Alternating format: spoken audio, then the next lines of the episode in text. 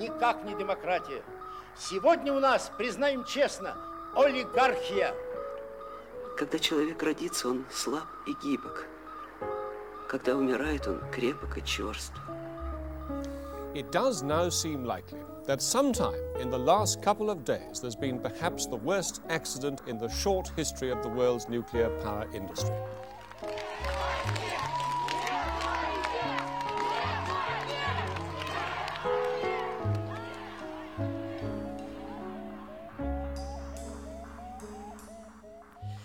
Kæru hlustundur, gestáttarins þarf vart að kynna og raunar er erfitt að ímynda sér þáttaröð eins og rús án hans.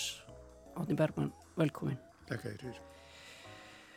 Þú ferð ásamt eh, Arnóri Hannibalsinni til náms í Moskvu árið 1954 og þið eru fyrstu stúdendarnir frá Vestur-Európu sem haldið til náms í Sovjetríkjónum frá lokum setni heimstyraldar. Þetta er stórmerkilegt og þarna er Stalin nýfallin frá og Hrúsjóf tekur við og hlákan, þetta eru miklu umbróta tímar sem þú upplifur á einn skinni Já. og þú hefur vitaskvöld líst þessu uh, í æfisöguðinni eitt á ég samt en uh, mætti ég samt spyrja þig hvernig land og þjóð horfðu við þér, ungum manni og á Íslandi? Það er nú svo að hérna ég fór þarna bæði af áhuga á tungumálum og bókböndum og einnig af pólitískri forvitni. Því hennir bestu menn sem að við tristum náttúrulega vel, Haldur Lagsnes og Þorbergur, hafðu sagt okkur minni kynnslóð að þarna væri nýr heimur í fæðingu og gott ef ekki ný síðmenning eins og webpjónin taluðum og það var auðvitað frestandi að bæði að vera fyrsti Íslandingurinn sem að læriði rúsnesku í Rúslandi sjálfu og svo að kynast þessu. En ég náttúrulega lendi í, í allt öðrum heimi heldur en ég þekkti. En ég tók ekki svo eftir því fyrst vegna þess að unglingar gera svona ósjárátt ráð fyrir því að mannlífið sé ósku svipað og þeir hafa vanist allstaðar. og fyrst framan af var þetta fyrst og fremst stórkostlu menningavisla. Þá gáttum fengið miða á stóra leikúsið og svo ég sá fyrstu mánuðina allar þessar rúsnesku þjóðaróperur Ígor Fyrst eftir Borodín og Boris Godunov eftir Múrsóski og Ívan Susanin eftir Glinka og Spadadrottningun eftir Tchaikovsky og svona og svo balletta og leikus og þetta var mikil veistla, mikil veistla. En að því að varðar sko skuggalheðar tilverunar í Sovjetiríkjanum þá var ekki farið að tala um það náttúrulega ráði. Það losnaði ekki um málbeinið á vinnu mínum og kunningum sem voru margir fyrir eftir að Khrushchev tveim ánum setna, 1956, flutti sína frægu leiniræðu um Stalin. Af Ísu hef ég frétt ímislegt. Annars vegar frá einu vinnu minni sem var Litái og hann saði mér frá eimsu, sku, mjög skuggalegu í sambandi við innlemun Eistrasaldaríkjana. Og svo var einn besti vinnu minn blindur málfræðingur, Rústi, sem að ég kendi íslensk á kvöldin og hann laðs með mér í puskin í staðin og þetta var dásanlega samstarf og hann og hún var svona ósjárátt daldi laust tungan stundum en, um, en þetta, þessi end, miklu endur skoðun hófst ekki fyrir 56 og þá hafði við náttúrulega síjast inn margt í sambandi við kvöndast líf og, og fleira skil sem mm -hmm. var svona daldi framallegt en það sem að sko sló mig fyrst það var annars verið þessi menningaveisla og þessi, þessi mikla menningar dýrði í leikúsunum og músíkinu og svona. Og svo hins vegar þessi sovjíska hugmyndafræði sem var haldið að okkur stúdendum með ýmsum móti í ýmsum námskreinum og hún var mjög undarlega blanda af gamaldags marxisma sem að eiginlega gerði hálfpartin ráð fyrir, fyrir því að að ástandið á, í kapitalískum heimi væri sko svipað og á æskutum Marx og Engels og, og þegar Dickens skrifaði um fátækt og örbyrði á Englandi og svo hins vegar rúsneskir þjóðninsíkju sem var mjög sterk og var svo sterk að þeir voru hættir þá að gaggrína mjög harkalega keisaraveldið. Keisarar eins og Ívan Grimmi og, og Pétur Mikli og kei, herf, herfóringi keisarana, þeir voru líka hetir Sovjetirkjana. Og var, þetta var allt saman eh, sagan um, um mikileik Rúslands, bæði, bæði byltingin og fortíðin. Mm -hmm. Og það var meiri sem gengið svo langt og ég tók sérstaklega eftir því að ég, að því ég var smáþjóðarmadur sjálfur að það var búið að endur tólka söguna þannig að rússar voru ekki að leggja undir sig önnur land og aðra þjóður í, í, í Sýberi og, og þar að fara með til gödum heldur voru þeir að, að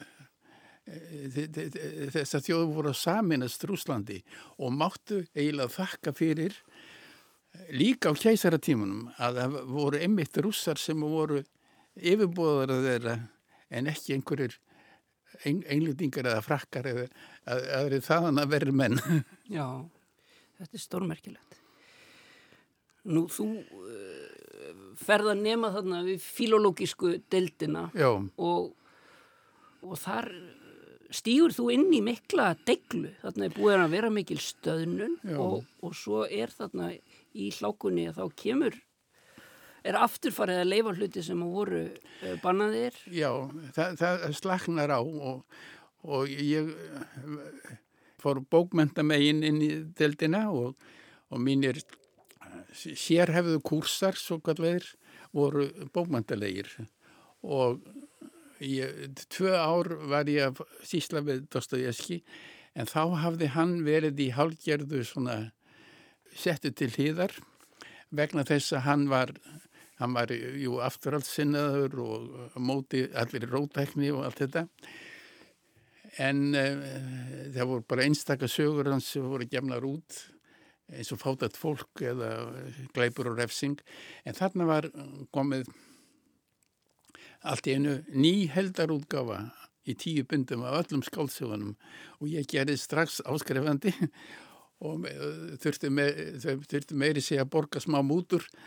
Andveriði eins bindist til að fá að vera áskrefandi að þessari útgafu og um þetta skrifaði ég síðan lokaritgjörð mm ég hef lesið þessa lokaritgjörð innan frá Moskva og hún er stórmerkileg, hún fjallar um ígjur sem listrænt meðal í skáldsum Dostoyevski engum í fávitanum. Já.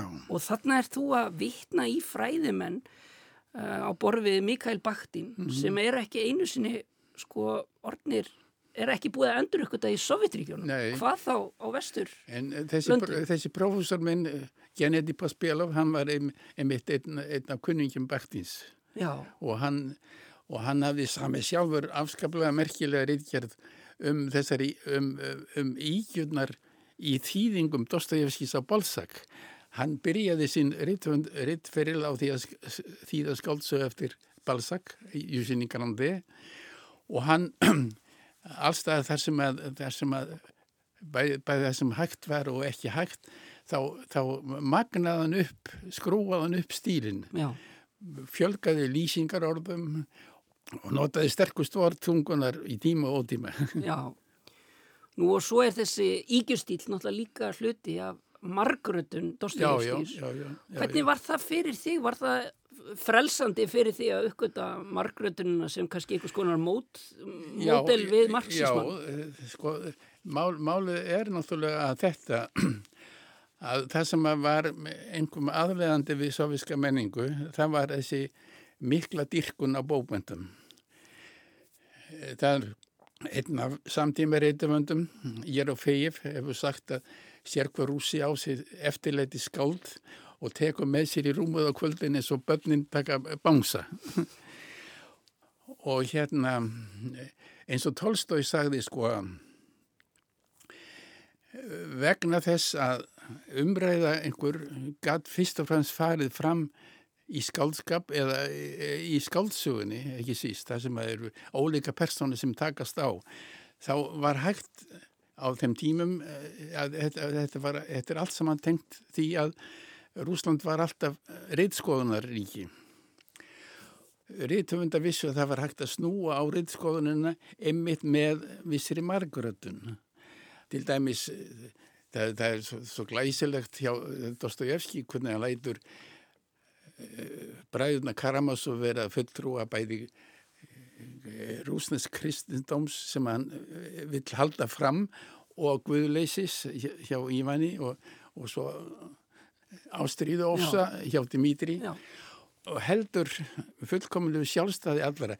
Meiri séð þannig að Ívan færi, í guðleysingin Ívan sem að Dostoyevski er sjálfur náttúrulega mjög andvígur hann fær í hendunar röksemdir gegn visku Guðs Já. og gæsku sem að uh, hinn trúaði bróður Aljósa ræður ekki við. Já, og Dostoyevski sjálfur sagði að rök Ívans þau væri ekki hægt að hrekja. Nei, nei það var, það var, það var þjáningabarna sem að voru ástendingastinnin. En eh, þegar að hver rúsin að fætur öðrum talar um að, að reythöfunda, mikla reythöfunda sem kennara í lífsins, leittóa lífsins, þá má spyrja hvað, hvað þýðir það í rauninni? Sko, það er náttúrulega hægt að trúa í, í, í blindni á, á hvað sem er, líka á Tolstói eða Dostoevski, en það er aldrei erfitt vegna þess að, að reythöfundur er alltaf góður ítthjóndur, hann, hann er alltaf einhver, með einhverjum hætti margrata. Eh, sko, til dæmis dýlingurinn Púskin. Ég hef heyrt að mín að tala um það að afstafa til Púskins sem skálds sé eitt af þjóðarenginum rúsa. Og hvað þýðir það? Eh, sækja menn einhverju hug, hug, sko, þeir sem að segja sem svo rúsneska bó, bóbundir hafa alltaf verið vettvangur andós og gefið gefið mönnum kraft til, til gaggríni og andós og svo framvís og viss, viss huggun þar með. Og það er hægt að finna hjá Púskin, hann, hann var í ónáð og hann var í innri útlegð og, og hann orti frelsiskvatningu gegn keisarvöldinu og svo framvís en hann orti sér líka í sátt við keisaran Nikolas I og hann tók undir stórveldi saksmunni Rúslands þegar að Pólveri að gera upprist 1831 mm. hann, hann skrifaði þessi hann samti þetta fræga ljóð minnisvarðan sem haldur lagsnu þýtti þar sem að gerir tilgatt til eilífs lífs til framhanslífs vegna þess að hann hafi á blindri öld blásið af frelsisglóðum og beðið hinn, hinn fótutróðni góðs. Mm -hmm. Og þetta er rétt, en, en svo e, hefur hann líka orð hvaðið það sem hann vísar frá sig með fyrirlitningu til ætlaðan sem manna sem ætlast til þess að hann leysi alla þrauti fyrir það og, og segja um hvernig er, er að lifa og svo framvís. Og þegar menn menn trúðu mikið á Tolstói og hans eh, og hans hérna skrif sem yðrandi aðalsmanns og kristnins stjórnleysingja eiginlega. En, en, en sko Tolstói sjálfur hann hann, hann flökti á milli þess að telja sig vera einhvern æstaprest æsta í veraldegri kirkju sem hefði það að markmiði að ala upp fólku upp í, í, í náunga kærleika og skilningi og svo framvís en stundum var hann á, á því að, að það veri alltaf því ósýðilegt að semja en, ennþá eina skáldsuguna um duttlunga og ástríður og ágind og yfirstjættarinnar og, og, og vildi helst sópa bókmöndanum út af borðinu eins og jafnröttum og háskólum og, og öðru sem bændöfnir hefðu ekkit við að gera, við. Mhm. Svo að það, það er alltaf þessi, þessi dýrkun á, á bókmöndum og skáldum, hún hefur alltaf þessar, hún er aldrei ein, einföld í framkvæmd. Nei, einmitt. Einmitt. Nú, svo að loknu námi Já, að þá steipur þér í, segirðu? þá, þá ferðu í bladamennsku já, og uh, mér leikur svo forreitna að vita hvernig var að fjalla um Rúsland og Sovjetríkin hér heima í, í spennu ástandinu sem ríkti, kalda stríðinu þegar, þegar þú varst kannski einn af örfáum sem höfðu frá fyrstu hendi insýn í samfélagi sem um var rætt. Já, en vissir líka um tvöföldnina sem að þar ríkti. já. Það var, það var náttúrulega, eh, þetta var daldi snúið sko, alveg frá því ég fór að skrifa fyrir þjóðverðan frá, frá Moskvu og svo eftir ég kom heim eh, í þeim skilningi að ég, hendur mínar voru daldin bundnar bæði af því að sko að ég var nú eh, tengdur fjölskylduböndum eh, þarna, giftist inn í gýðingafjölskyldu sem stóð um margt höllum fæti og mágum minn til dæmis var eh, mikill vinur Andri Sakharovs og, og, hjálparhella og, og var reikin í útlegð og svo framvís. Eh, Sko, en það var ekki bara það sem að, sem að þrengdi að bladamönnum, hvaðan sem við komu. Það var þetta líka að í Sovjetiríkjunum voru, voru enga neikvæða frétti byrtar, ekki einu sinni fl- flugslis eða val- valla, valla var talið um, um mikla jarðskjálta, skilur við. Það, það var svo ótal, ótal margt sem að var, var, var hérna eh, þagað um og það var hérna, ég tekti nú að ýmsa bladamenn í Moskvu og þeir voru alltaf við þessum vandræðum, þeir hefðu frétt eitthvað á skótsbónum en þeir gátt ekki fengið, fengið neina staðfestingu og þeir gátt ekki byrt þetta sem, sem einhver, einhver svona orðróm sem að eh, rús, sem að eh, rúsar sem reyðu því hvort að þeir gáttu starfað eða ekki sem fréttarittirar töldu eh, niðrandi fyrir, fyrir orsti ríkisins skilur Já, Já uh, svo þegar að Sovjetríkin hrinja, sko, í ljósi innrásarinnar Já. í Úkrænu, já, horfir hrun Sovjetríkina eitthvað öðruvísi við þér þá núna og svona þessir áratugir sem að síðan fylgja á eftir. já, hvað skal segja sko ég hef, ég hef í sjálfu sér ekkert mjög neikvægt að segja um þessam, þessam dyrkun rúsa á bómöndum sínum og menningu. Og ég skil, skilda vel þegar að kunningi minn rítumundurinn Andri Bítov sagði hérna á á hérna listaháttið eða eitthvað bómöndaháttið hérna á Íslandi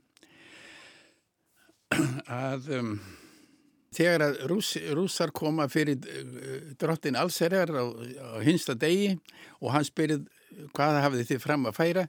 Þá segja þeir rúsnarska bókmyndir eða eitthvað svolítið en eh, þegar að við erum að tala um vissar skuggalhiðar á rúsnarskur menningum þá eh, kemur mér eh, fyrst í hug afstæðan til valdsins Sko, menning er ekki bara uh, músík og skáldsögur og svo framvís heldur hugsunar, háttur, gildismat, mat á eigin stöðu og annara þjóða og svo framvís.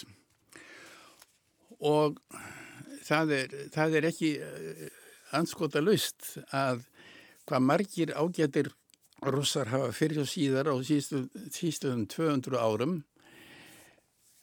uh, hérna sagt sem svo að það, það er Rúslandi farnast best undir stjórn öflugsleitóa, sterksleitóa sem getur gert það sem honum sínist og sam, það sem er þarf á. Og, það er sama hvort hann heitir Ívan Grimmi eða Pétur Mikli eða, eða Stalin eða, eða Putin jafnvel, að hann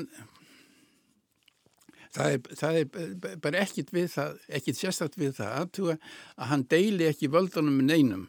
Að stopnarnir sem eru til einhvers svona þing, þing eða ráð eða eitthvað svo liðs að það er allt saman máttlust og lítur valdi, innval, valdi innvaldas.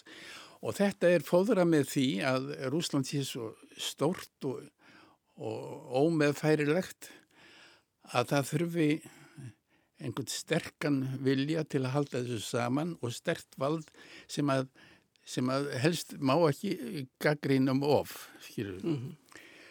og þetta er eiginlega eh, alveg frá því að Ígorskviða var til á tóltuöld daldið, daldið heróp í rúsneskum bómundum að það er styrlangöld og, og hver höfðingin upp á móti öðrum og og einn, einn hefur skorið sér út og farið í, í leiðangur gegn óvun rúsa Póloftsum sem er tilknæð sjóðu sem er býr núna sem Úgræn er og, og hann, hann fær mikið ámæli í ljóðunu fyrir sem ég þýtti á íslensku mm. fyrir að hérna hafa rofið samstöðu æskilega samstöðu rústinskar fyrsta og svo framvist og það er, það er, á þeim tíma er yfirkongurinn í kænugarði, hann er valda lítill og, og hérna, og hver veit, hann gerir það sem hann sínist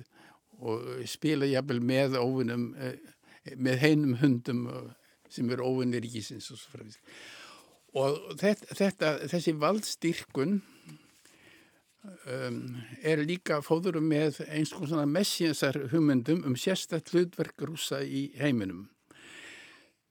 Hvort sem það er hjá Dostojevski þessi rúsneski kristendómur sem að tekur öllum öðrum kristendómu fram hans, það lætu nú knjásmiskin eins og, seg, eins og veist, segja í fávitanum katholskan er verð en guðlisitt og eða, eða þá að á 19. öld að mentamenn fara að velta fyrir sér möguleikanum á því að að bændakommunan mýrið verði grundvöldur að einhverjum sérstakun rúsnarskum sósialisma í Fraklandi er framtíðin verkamannana segja marxistar en í Rúslandi segja þeir framtíðin er bændana mm -hmm. og rúsneska byltingin er þá tólkuð sem þetta sérstaklega framleið emitt rúsa til sögunar eins og, eins og franska byltingin var, var hér, framleg frakka til, til, til frelsisjöfnöðar og líðræðis og svo framvís og þetta þessi valdstyrkun hún hefur alltaf verið og hún hefur verið mjög rótgróin og hún er samofinn þessari þjóðnisikju sem að leggur áherslu á yfirbyrður rúsa ímsu. Þegar ég kom að það þá, var, þá hafði verið daldir hreina af, af, af skrifum um það að rúsar hefðu eiginlega uppgöðað þann skrættan. Já útvarpið og, og, og, og allt mögulegt Já. og þá hafði orðið til eins og, og Skrítland sagði reytum um fíla og þegar að frakkar skrifuðu bók um ástirfílana þá skrifuðu rúsin bók um Rúsland ættur fílana og, og þetta hefur aldrei verið gert upp skilur. Eh, þegar að menn fóru að nota einvalda keisara eins og Ívan og, og Pétur sem, sem fyrirmyndir mm -hmm. og Stalin nota eh, lagði auðsjámanlega áherslu að hann væri arftæki þeirra við En hvernig ætti þetta uppgjör að fara fram? Ég man að, eh, ég man hvað hva fólk var feið 56 mar, mar, margir þegar að fyrst, fyrst var, var hreift ofinberlega þessum þessum fangabúðamálum öllum og gúlagið og allt þetta. En strax uppgjör Krusjós var mjög halvvolt því hann vildi bjarga flokknum en skellöldu á eina personu á Stalin, á hans persónulegu einleika. Og nú er það náttúrulega þessi einvaldshugssjón, einvalda hugssjón, þýðir náttúrulega að mann verða að taka mikið tillit til persónulegra eiginleika fóringjans, veit þú hans, og skipti, það skiptir raunverulega máli. En, en þetta, var, þetta var svona tilrönd til að skapa alíbi fyrir, fyrir kommunistaflokkins sem að hérna bara á, ábyrða á þessu sko því að eins og Rosa Luxemburg sagði á sínu tíma um stefnu Lenins allræði örygarna í skilningi Lenins þýðir í praxis allræði flokksins. Mm -hmm. allræði flokksins þýðir allræði miðstjórnar allræði miðstjórnar þýðir allræði einsmanns Já, og það var til dæmis, ég þekkti ágætlega mann sem heit Marlene Koralov, Marslenin, Marlene og eh, foraldar hans voru sett í gúlagið og hann var sjálfur í, settur í gúlagið í nokkur ár. Og hann var einn varaformaður Memorial, samtaka politískra fanga. Já. og það er allt saman búið að eðilíkja það, eðilíkja það starf undir, undir Putin. Mm. Því, að, því að Putin vill, vill bara hafa þetta svona einhver, einhver, einhverja samfellu sem heitir rúsnik saga frá upphefði til enda og það eina sem skiptir máli er veldi og mikileiki Rúslands. Já. Og stór þáttur í þessu er náttúrulega setni heimstyrjöldin og, og hvernig hún er nótuð. Hún er nú, nú mikið nótuð sko það er náttúrulega þannig að, að heimstyrjöldin setni uh, er eitthvað, er það eina sem að um tíma rúsa gáttu komið sér saman um að væri jákvæð uh, fortíð. Þá voru við saminjaðir og þá bálu allir virðingu fyrir okkur við, við vorum að drepa Hitler og allt þetta en um, og það, það framlengdi það framlengdi þessa, þessa rúsnesku þjóð, þjóðnistofni sem að grúsíumadurinn Stalin hafði skipulagt. Mm -hmm. og, og, og svo núna þá er þetta, þetta stríð notað aftur til þess að réttlæta þess að einrási. Já, já, já, já. Það er, það er, það er líka þessi partur af einvaldstyrkuninni að, að hann haldi frá okkur rúsum ókvænlegum og skadalegum áhrifum að utan mm -hmm. og það, það, það er náttúrulega hansi margir sem að hafa tekið undir það til dæmis Dostoyevski og, og slavavinir á 19. öld sem að sá, fundu allt til foráttu þeim sem að þeir mentamönnum sem að vildu leita pólitískra fyrirmynda á Vesturlandum þar sem að fjálflokkakerfi og viss valdreyfing og þingræði voru í uppsiglingu með mjög gölluða vísu en, en saman. Já, þú skrifa mjög merkilega grein í skýrni árið 2003 sem heitir Bókmentir í lífsháska, Já.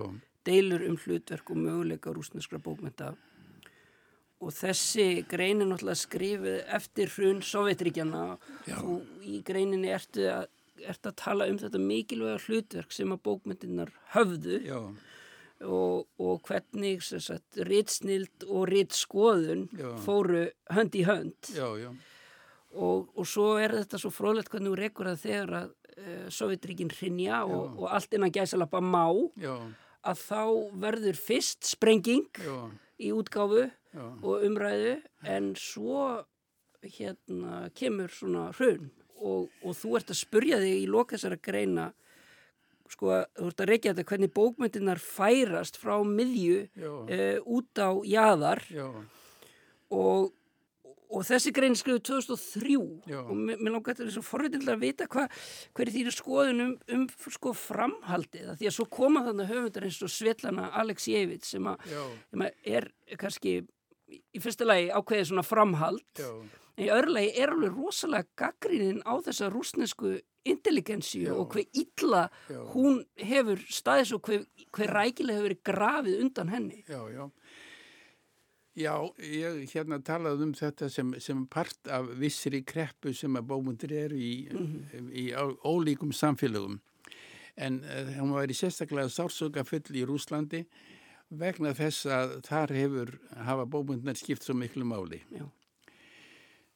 En ég held að þetta hafi í stórum dráttum haldið áfram sko. Það er, það er, það er að segja, þú nefndi Svetlun Alisevich sem er nú kvítrúsi og svona. En málið er sko að uh, það er tölvert af, af þessu fólki komið í útlegð. Hún er komin í útlegð, mm. Svetlun Alisevich maður sem ég þýtti tölvit eftir eh, Akunin, Barus Akunin sem heitir er, er undar Tjartísvíli hann er í útlegð og, og, og, og svo framvegið sko það er, það er eh, menn men, men reyna að, að halda í vissar hefðir gaggrinni og ádrepu og og uppristnar gegn, gegn valdnýslu og svo framvís en það er, möguleikarnir eru mjög skertir skilum. Já. Já. Svo, svo að ástandið er, er ekki, ekki bjart. Nei og enn einn höfður í útlæð Sískin segir rúsneskri menningu stafar mest hætta af rúsneskum stjórnvöldum. Já. Já. Þú hefur nú oft eh, vitnað til orða sem að ég hef líka oft vitnað til í þessum þáttum það er að segja niðurlagsins á döðum sálum, já. það sem að Gogol spyr Rúsland hvert já. stefnir þú? Já. Hvert stefnir Rúsland? Já, það er, það er sem betur fyrir er, er ég orðin alveg afvanur því að, að spá um svona stóra hluti. Það er svo margt sem hefur gerst á minni lönguæfi sem engi gætt séð fyrir. Það var til dæmis alveg ótrúlegt í rauninni hvað þetta, þetta mikla kerfi, soviska stjórnkerfið, hrundi auðvöldlega, skilur, þegar að Gorbachev hrefði við því, skilur, og, og gaf orðið frjálst og, og svo framvis. En það var, það, það, ég hefði áhyggjur af einu, ég, ég, við, við Lena heitinn kona minn, við komum hérna til Pétursborgar, um, um það leiti sem að Sovjetirkin voru að hrinja og þá man ég að ég talaði við leikusfólk og það var komið með nýja trú, skilur allt í enu eh, var allt sem heit hétt Sovjest ónýtt og einsins virði. Og einn fór að sanna fyrir mér að það, það, það væri rámt að hafa hafa leikúsin á, á vegum ríkisins og sveitafélagana eitthvað svo leiðis mm -hmm. og, og, og sömulegis eh, skólana, hann vildi enga veða skólana, hann vildi enga veða allt.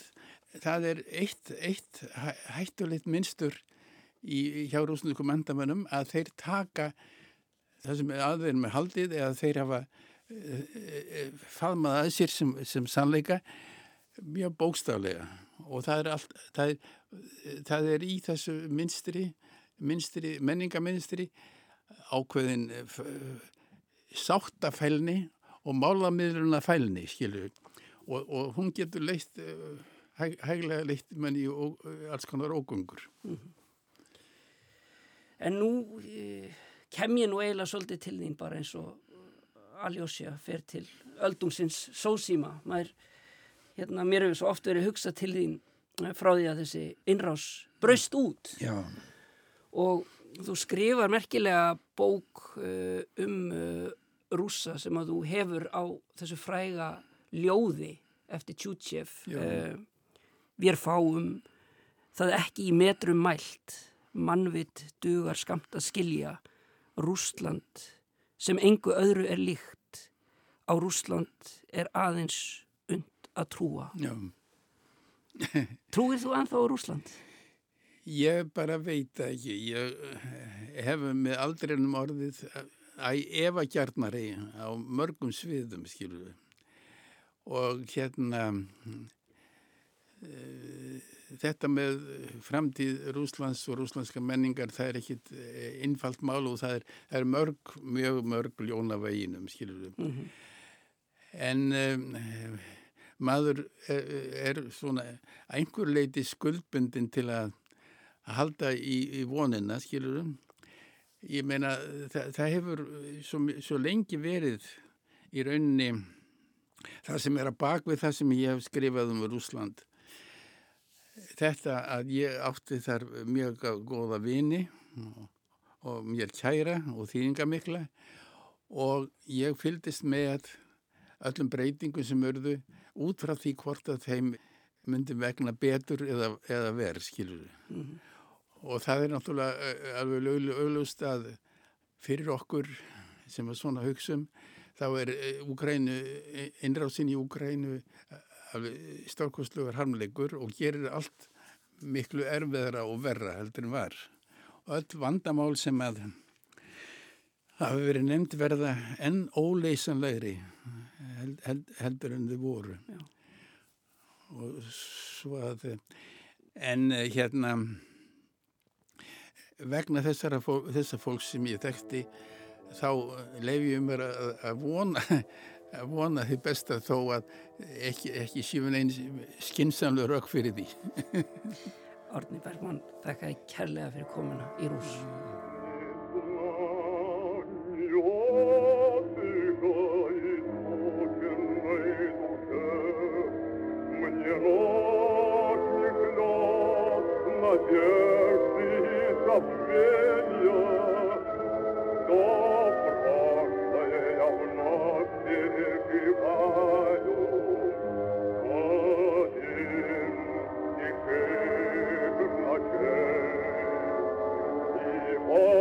я знаменья угрозу.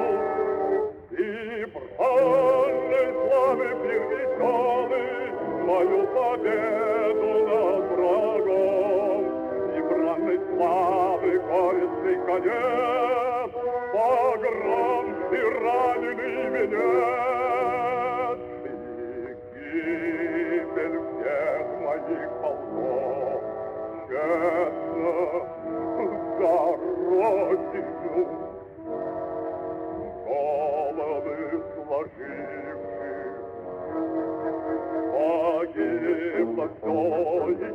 твоя и слава, Мотором стал я земли родной. Хлеб, посытый хлеб, свободу дело не мой, Забытый совсем меня меня, О, дайте, дайте мне свободу, Я мой поток сумею искупить, А я честь мою